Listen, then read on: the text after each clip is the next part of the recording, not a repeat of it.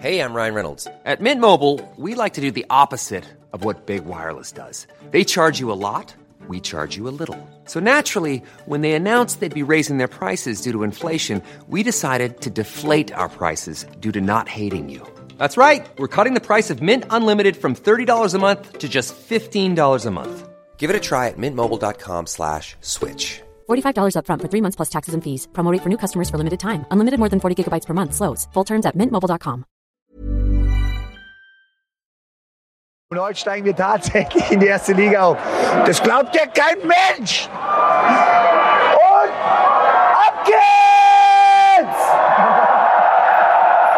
Då säger vi varmt välkomna till Stamplats mina damer och herrar. Ett nytt avsnitt av eh, den tyska podden eller den tyska podden, den svenska podden om tysk fotboll. Så, så ska det Så vara. ska det vara, Ska, man inte snurra in sig. Fick du det rätt? Ja ja. Tack så mycket, tack så mycket. Ja, det har spelats återigen Europafotboll och för de tyska delens lag har det ju sett eh, lite, lite blandad kompott. Men eh, om man summerar bara kort så är det ju ändå hösten har ju gett eh, rätt så goda förutsättningar för våren. Ja, alltså det har ju varit över mina förväntningar i alla fall att tre av fyra lag tar sig vidare från gruppspelet, varav två som gruppetta. Och sen kommer visserligen Union Berlin sist i sin grupp, men jag tycker att man på något sätt eller åker ut med, med hedern i behåll. Så att sett till Champions League-delen så skulle jag väl säga att det har varit, om man ska ge ett betyg på 1 till 10 så får det väl ändå vara en 8, nästan snuddar på 9 faktiskt. För jag, jag trodde att Dortmund skulle få det svårare än vad de fick. Så jag, mitt hopp låg ändå på att Bayern och Leipzig skulle ta sig vidare. Men att även Dortmund tar sig vidare och gör det som gruppetta, det är ju över mina förväntningar. Verkligen. Nej, jag, jag blev också väldigt förvånad över just Dortmund med tanke på hur de har sett ut i, i ligaspelet i stort annars. Men eh, ja, det ska bli spännande att följa till våren. Då kommer vi självfallet hålla koll på alltihopa som vanligt. Men i, nu, i nuet ska vi först och främst eh, ta ner det som vi såg i veckan och sedan blicka till det som komma skall i ligaspelet. Och när det kommer till det som vi såg i veckan så fick vi ju först och främst se ett Union Berlin bokstavligen eh, kämpa med näbbar och klor för att nästan nå den där Europa League-platsen. Ja, alltså när man gick till halvtidsvila mot Real Madrid så gjorde man ju det som grupptrea i och med att man hade lyckats ta, ta ledningen via Kevin Folland. Så att man hade ju allting i sina egna händer men eh, som så många gånger förut i den här gruppen så släppte man in ett mål i slutminuterna och så föll allt pladask. Och man bara känner att matchen dessförinnan mot Braga, det var ju direkt avgörande för just kampen om den här tredjeplatsen. Och där var det väl också, om jag inte missminner mig, att man tog ledningen men släppte in ett mål som gjorde att man eh, fick nöja sig med ett kryss där. Så att allt som allt blev det två poäng. Men eh, om man då hade hållit ut fem minuter längre i de flesta matcherna så hade man ju åtminstone haft dubbla poängskörden. Precis. Äh, riktigt bittert för eh, Union Berlin som... Äh, man, man hade ju velat se det gamla Union Berlin ställas inför dessa lag i Champions League. Med det sagt skulle de inte ha vunnit, men jag tror definitivt att de hade tagit den här tredje plats, platsen som vi pratat om tidigare. Men ja, det är jäkla tråkigt, men uh, nu förhoppningsvis går det kanske uppåt för dem, rent resultatmässigt. Mm. Det ser ut att ha luckrats upp lite. Ja, de, har börjat, Ja. eller de vann ju. Det var väl 16. senast nu i helgen de vann sin första match. Precis. på, eh, 16 som i raka utan seger. Helt otroligt. Mm. Ja, det hade man inte förväntat sig inför säsongen. Men alltså om man återgår till gruppen här så att det var inte en enda match man förlorade på ett, med, med stora siffror utan det var ju hela tiden med uddamålet. Och det var en tuff grupp på förhand med då Real Madrid och Napoli och sen Braga är alltid ett lurigt lag. Men att man, eh, att man står upp så pass bra som man gör. Sen tror jag ju nästan att det är det också som har fällt dem till viss del. Att det har blivit för mycket fokus på Champions League och försöka göra det bra där. Och det har ju kostat eh, i ligan då att man även har förlorat där och sen har det blivit en negativ spiral och sen, ja, sen har det bara gått ut för. Eh, och det handlar också lite om orutinen från det här att spela i Europa och i Champions League och kombinera det med ligaspelet samtidigt som att det har varit många nya spelare och man har inte fått det att fungera. Men nu har man ju bara framöver då ligan att fokusera på och jag är ganska så övertygad om att vi kommer få se dem stiga i tabellen. Och det skulle inte förvåna mig ifall de är med och slåss där kring sjätte, sjunde platsen när vi närmar oss säsongens slut. Mm. Verkligen. Ja, eh, men är det nå någonting mer du vill säga kring Union eh, och deras Europaresa eller tycker du vi ska tacka för den här gången? För att det känns som att det kommer ta ett tag tills de kommer ut i Europa igen. Ja, förmodligen. I alla fall tills man kommer till Champions League. Men det är som jag inledde med att jag tycker att man åker ur med, med hedern i behåll. Man har ingenting att skämmas över. Det här var deras första, första session någonsin i Champions League. Och visserligen kommer man sist, tar bara två poäng, vinner inte en match. Men man stod fan bra upp i alla matcher och man har ingenting att skämmas över. Så all eh, heder åt Union Berlin. Uh, som sagt, jag tror det dröjer innan de spelar Champions League igen. Men det är så det är.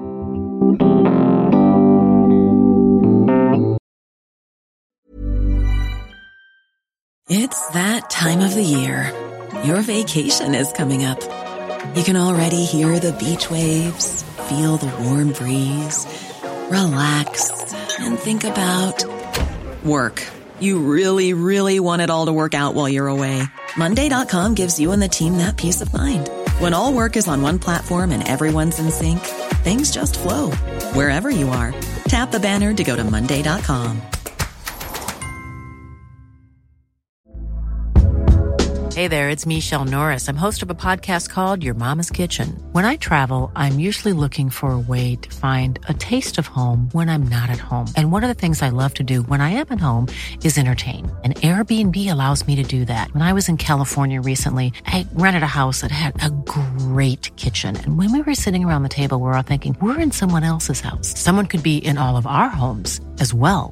If you have a home, but you're not always at home, you have an Airbnb. Your home might be worth more than you think. Find out how much at airbnb.com slash host.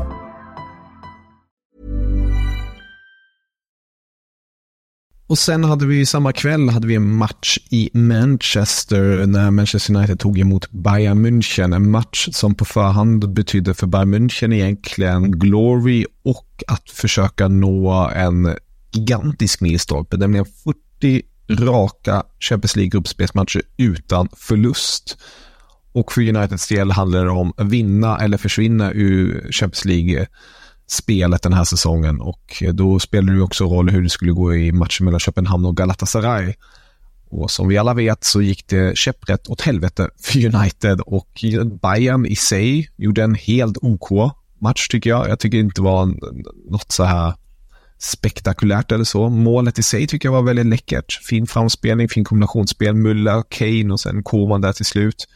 Så äh, är det viktigt för, för Bayern att på något vis ta sig tillbaka och det är ju det klassiska bayerska. Här, här tänkte man ändå att de skulle ta segern trots att det är bortaplan, trots att det är United som behöver vinna för att man åkte på den här brutala förlusten mot Eintracht Frankfurt. För att ja, man kan förlora matcher, man förlorar mot Saarbrücken och jag tycker det var också en extremt pinsam in insats. Men om jag behöver så jämföra de här två förlusterna, Saarbrücken-förlusten och Eintracht Frankfurt, då tycker jag nästan att Eintracht Frankfurt-förlusten är mer spektakulär med tanke på att Bayern München var helt, helt värdelösa. Alltså man spelade riktigt dåligt första halvleken. Sen hade man en halvtid på sig på något vis samla sig och gå ut med ny energi och något sånt. Men det, det hände ju inte. Det var dåligt igen tycker jag.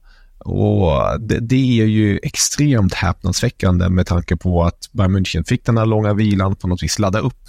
Och siffror som jag älskar, så fick man ju också svart på vitt att Eintracht Frankfurt-spelarna löpte 10 kilometer mer än Bayern München-spelarna. Det är också lite spektakulärt säger jag igen här, men det är också lite galet på alla sätt och vis. Eller vad säger du Filip? Nu har jag haft en lång monolog här. Jag hoppas att du fortfarande är med mig och vaken. Ja, jag är här, jag är här. Jag malde på med i Berlin så jag tycker bara det är rätt att du tar kommandot här. Men alltså kort och gott så blev ju Bayern München förnedrade på alla sätt och vis mot Eintracht Frankfurt. Så att uh, jag vet inte riktigt vad man ska säga. Alltså det ska inte kunna hända för Bayern München att man förlorar med de siffrorna och blir så utspelade som man blev. Det kändes som att varje gång Frankfurt fick bollen så var det bara full fart framåt mot målet och, och gå på avslut. Och det var ingen som kunde sätta stopp för dem. Ja, alltså det var ju knappt som man trodde att det var Bayern München som, som stod för motstånden utan att det snarare var något juniorlag som hade fått chansen att, att stå upp här mot Frankfurt. Men eh, Ja, det, det vi kan vara tacksamma för är att man ändå på något vis lyckades studsa tillbaka här i Champions League-sammanhang och, och vinna på bortaplan mot Manchester United. Nu är United verkligen inte vad man en gång i tiden var. där man var ett av Europas bästa, största, mest framgångsrika lag. Men det är ändå tufft att ställa oss mot dem borta på Old Trafford. Uh, speciellt eftersom man bara några dagar tidigare hade fått stryk med 5-1. Så att jag tycker ändå det var en hedersam uh, seger för deras del. Och som väntat så tog man ju hem gruppen på ett överlägset sätt. Äh, enda plumpen i protokollet var väl ett kryss mot eh, äh, FCK som där blev grupp två. Så överlag skulle jag säga en väldigt rolig grupp. Men det tyckte jag även uh, när den lottades innan de hade spelat att det, det kändes på förhand spännande. Äh, men att FCK skulle göra Bayern München sällskap till slutspelet, det hade jag aldrig trott. Så väldigt kul. Det är sånt här, det är sånt här jag gillar med Europaspelet. När det bjuds på sådana här skrällar. Oh ja, det har du fullständigt rätt i och det blir också spännande att se på något sätt hur, eh, hur FCK ska klara sig vidare i, i slutspelet också. Det lottas på måndag och se. Det känns mm. som att de kommer få Dortmund för att göra en fin segway över till dem också. Men uh, det, jag vet inte, det är någonting inom mig som bara säger att det blir Dortmund de kommer lottas mot nu. Ja, men vi, vi, jag tar den där segwayen. Jag tycker den, var, den parkerar du väldigt fint där. För att Dortmund var ju redan klara inför veckans match mot PSG. Nu skulle det bara bestämmas om det skulle komma ett eller två. Men samtidigt var ju PSG pressade för att de var tvungna att ta poäng eller vinna med tanke beroende på, ska sägas, hur det gick med Newcastle Milan. Och det såg ju ut som, till en start, att PSG inte skulle ta sig vidare för att Newcastle tog ledningen på hemmaplan mot Milan och sen tog också Dortmund senare ledning mot PSG. Men det, det vände till eh, PSGs favör. Man eh, kvitterade ju och gjorde 1-1 och Milan vände och vann mot Newcastle som betydde för Milans del att man tog en Europa League-plats och Newcastle kom sist i gruppen. Men om man tittar då på Dortmunds prestation mot PSG så tycker jag man återigen visade ett helt annat ansikte i, i, jämfört med ligaspelet som vi har påtalat hela hösten. Att man, man visar en kämpaglöd på ett annat sätt, man visar en vilja och eh, kanske inte rent tekniskt och eh, kvalitetsmässigt särskilt eh, briljant på många sätt och vis, men eh, man, man, man lyckas och jag tycker på något sätt den här räddningen som Niklas Sule står för på mållinjen bokstavligen. Han, Mbappé kommer, upp, skjuter på öppet mål och från ingenstans kommer Niklas Syle och bokstavligen slungar bort den där bollen. Eh, gör en, en bild på hur Dortmund har kämpat sig igenom den här hösten, tycker jag. Ja, alltså en sån jätte som Syle ska inte kunna vara så akrobatisk, men uh, han har väl mer i sig än vad man tänker sig. Men det är ju, alltså Dortmund är ju extremt svårbedömda den här säsongen. Och det, ja, det är som du sa också, vi har varit inne på det flera gånger tidigare och jag har varit kritisk och, och menat på att det här kommer ju falla till slut. Det är ett litet luftslott och det tror jag fortfarande på. Men, och det handlar ju väldigt mycket också om den här gruppen man har haft i Champions League. Att den har varit väldigt spretig och ojämn. För att vi har ju sett att alla lag kan slå alla. Dortmund inledde med att förlora mot PSG.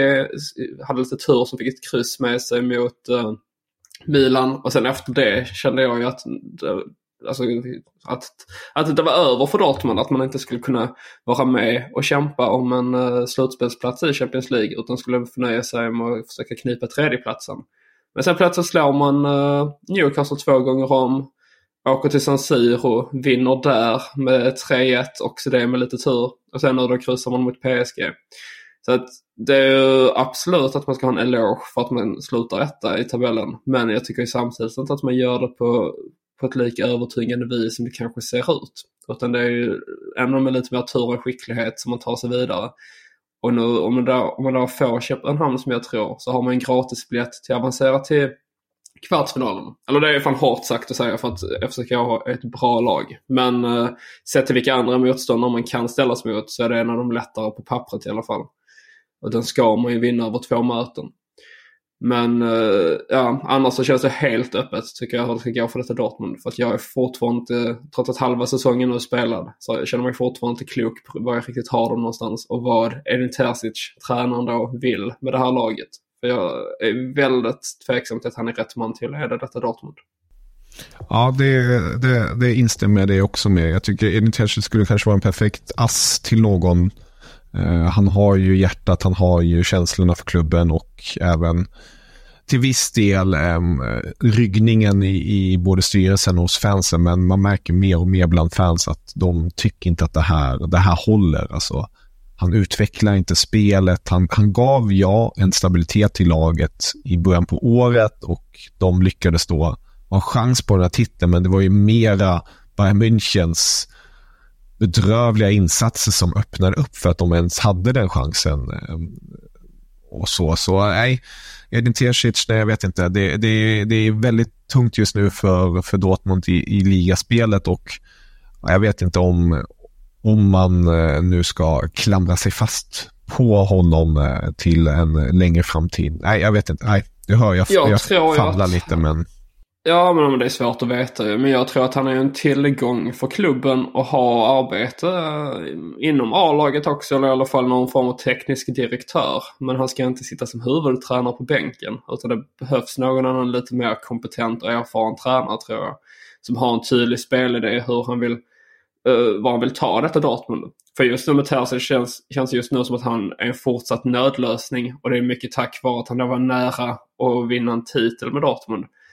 Men det var inte hans förtjänst skulle jag säga. Så att uh, hade jag varit i Dortmund så hade jag nog uh, satt mig efter ny tränare under vinteruppehållet.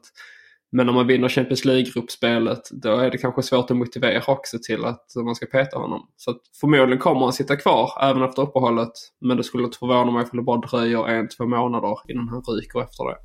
Mm. Ja, jag hade gärna velat se en, en Ralf Hasenhüttel eller vad vet jag, kanske till och med en Julian Nagelsmann efter EM eh, i, i, i Dortmund. Jag vad tror du om Flick då? Nej. Eller han är helt körd? Han är inte helt körd, men jag tror att han är så icke omtyckt just nu i, i Tyskland. Att han, har, han har tyvärr fått den här stämpeln likt Löv. Kanske inte lika grov. Det man fick se i den här dokumentären eh, av Tysklands landslag under VM förra året. Det, det gav verkligen inget positivt ljus på Flick. Sen ska det ju sägas att Flick verkligen var pressad och man märkte på honom att han inte mådde särskilt bra. Men det, det det, det ska sig rejält, både med spelarna men även med, med, jag tror med fansen i stort. Så Flick bör nog ligga lågt. Jag tycker han borde kanske hitta något, något jobb utomlands först och främst. Um, om det ens blir det. Alltså, vi ser ju vad Jogi har gjort. Han har inte gjort någonting sen, sen landslaget. Och jag tror inte det kommer Nej. bli något heller. Oj. Ja. Nej, Nej. vi får väl se. Annars är det Nej. kanske HSV han ska ta över. Där och tycker jag ju... sin tränarkarriär en gång för alla. Ja, där, där tycker jag ju ryktet som, det här är ju extremt, men tänk dig Steffen Baumgartner. Mm.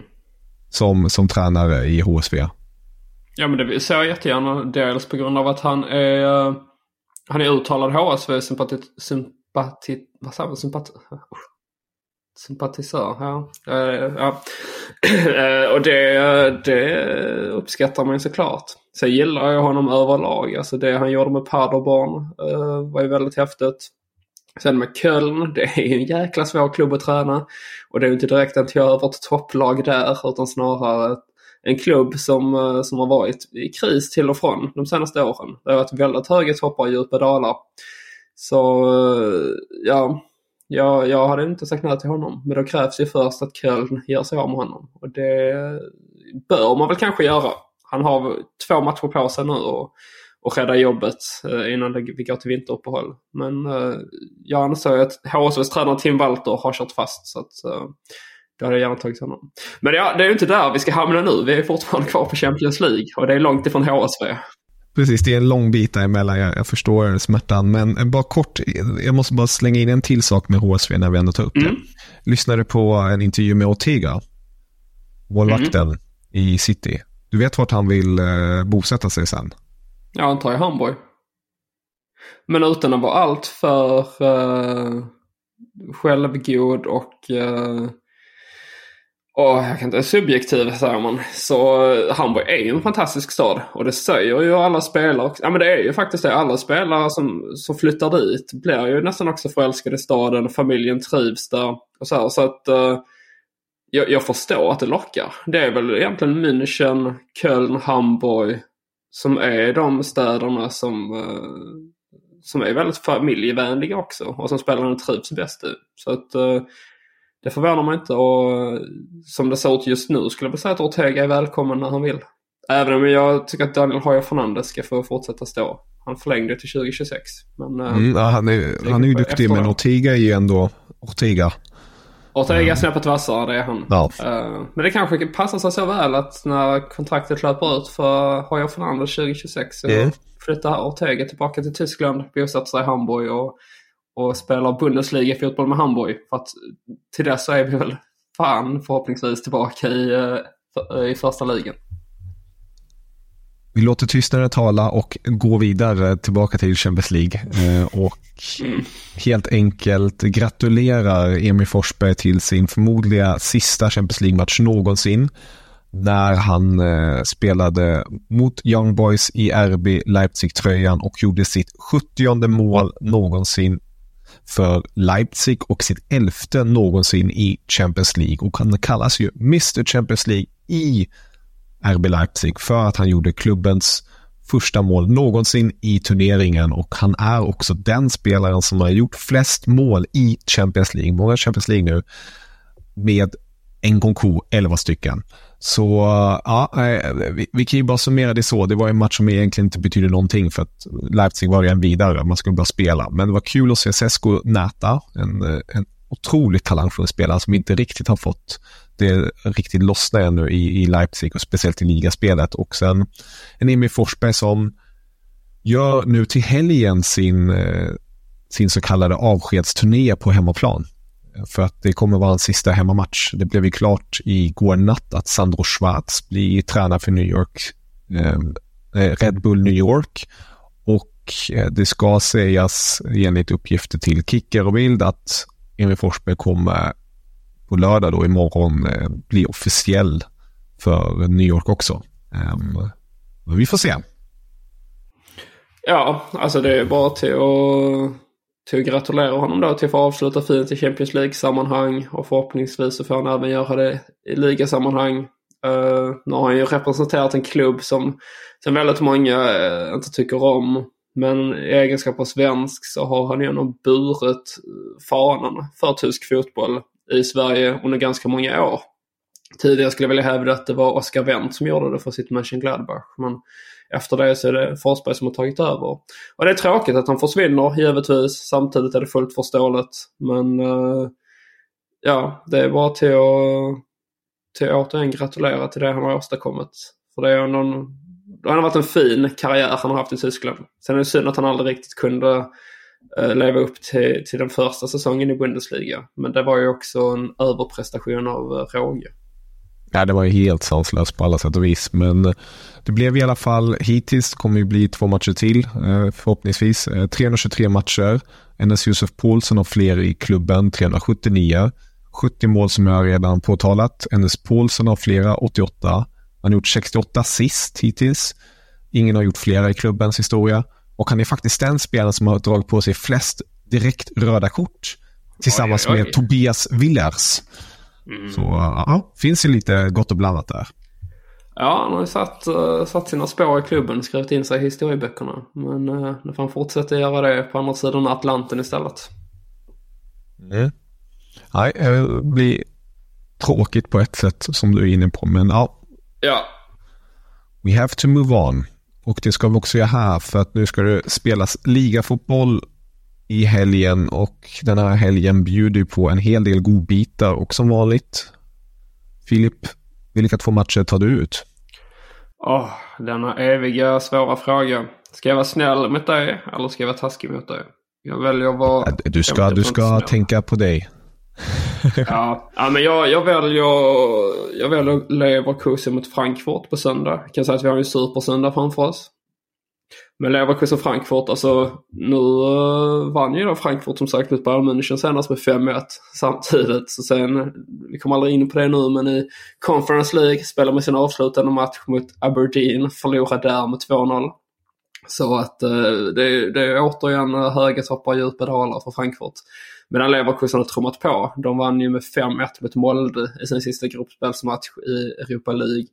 Eh, vann samtliga matcher där i sin grupp och överlägsen etta. Häcken sist i samma grupp, noll poäng. Säger väl en hel del. Men eh, uh, där känns det som att det kan bli en riktig smällkaramell mellan Leverkusen och Frankfurt. Så att den vill jag inte missa.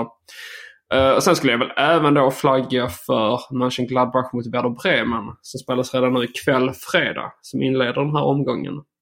Mönchengladbach eh, fortsätter ju blanda och ge. Förlorade senast mot Union Berlin som då knep sin första seger på, eh, vad sa vi då, 16 matcher eh, utan seger där. Och sen vann man mot Mönchengladbach.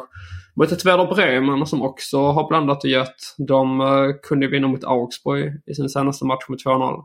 Så att det är en match mellan två klubbar som är i stort behov av poäng och få lite mer stabilitet och kontinuitet. Och dessutom så är det ju ligans enda två klubbar som har samma form på sina emblem. Uh, så att uh, bara det är ju någonting häftigt. Jag vet inte om du har någon siffra på det kanske, men uh, det är ju värt Nej. att. Ja, det är definitivt värt att nämna. Det, sånt gillar vi. Härligt. Ja, eh, två matcher som jag ska ta ut då. Eh, det, är, det finns ett par fina godbitar. Eh, Darmstadt-Wolfsburg. Det, det är kanske den, den, den inte dödaste, det ska ju inte vara brutala här, men det är, det är ett knivigt läge för Niko Kovac som har det allt tuffare i Wolfsburg och som har i sista omgången, alltså matchen därpå, möter de Bayern München. Så får vi se om Bayern eh, skjuter ut Kovac från eh, sin, sin klubb återigen. Du, Kovac till HSV sa jag bara. Oj, ja. Han har ju dessutom spelat där tidigare alltså. Ja, det kan, det kan vara något. Men den, den stora matchen är ju självfallet Bayern München mot Stuttgart på söndagskvällen 19.30. Det kommer bli en riktig rykare på alla sätt och vis. Det är laddat. Det är jävligt kul för att det här är två så kallade traditionsvereine, anrika klubbar. Stuttgart är ju egentligen en, en toppklubb eh, sett till den forna tiden. Historiken. Historiken, tack så mycket. Och det här har ju också så många lager av olika dueller. Vi har ett, ett Bayern München mot ett Stuttgart. Stuttgart, succélaget Bayern München, regerande mästarna som på något vis eh, inte har riktigt fått igång det. Och sen självfallet den givna är ju Sebastian Hönes. Det är då Olli Hoeneß brorson som också har varit i Bayern München som, som tränare men har nu tagit klivet till Stuttgart. Dessförinnan var det Hoffenheim. Och i Stuttgart har han gjort dundersuccé. Eh, och jag ser faktiskt Hoeneß som som ett alternativ om Torshäll skulle behöva lämna. Ehm, självklart inte alternativ 1. Alternativ 1 är, är alla kategorier Xabi Alonso. Men eh, alternativ 2 är nästan eh, villig att säga är Sebastian Hunes. Fy Så, fan vad tråkigt om man snor honom. det, hade, det hade ju varit riktigt tråkigt för, för Stuttgart på alla sätt och vis. Men de har ju en fint samarbete, Bayern München och Stuttgart, med, med Kimmich, med Lam och lite så. Det, det, det, Nybel. Det har funnits en Nybel, precis, det ska också sägas. Nybel står ju i Stuttgart-kassen för, för, för Stuttgart. Står i Stuttgart-kassen för Stuttgart och väldigt bra sagt Kevin. Men ja, ni, ni hör, det här kommer bli en riktigt fin eh, tillställning och det är ju ett Bayern München som har en match mindre spelade de andra på grund av den här snömatchen mot Union Berlin som inte spelades. Så vinner man mot Stuttgart så kapar man av dem lite och går lite så här två, två lags race med, med Leverkusen helt enkelt i toppen. Beroende på hur de då spelar mot, mot Eintracht i helgen. Ja, det är ju två matcher som innebär väldigt mycket för topplagen. Så att uh, söndagen är väl den dagen man bör hålla mest koll på när det kommer till Bundesliga. Verkligen. Men med det sagt tycker jag att vi, vi stänger butiken för den här gången så, så hörs vi nästa vecka. Mm, det gör vi. Det är sista omgången i, eh, i Bundesliga. Det är sista omgången i Schweiz och till helgen. Och sen är det veckoomgång i Bundesliga. Och efter det så kommer vi summera upp lite under eh, hur höstsäsongen har varit innan vi vill gå på någon form av lite eh, vintervila vi också. Och sen kommer vi tillbaka i början på nästa år. Och grotta ner oss i transfers och annat som har hänt. Genau. Med det sagt, ta hand om dig Filip så hörs vi snart igen. Detsamma. Auf Wiedersehen. Auf Wiedersehen. Ich habe fertig.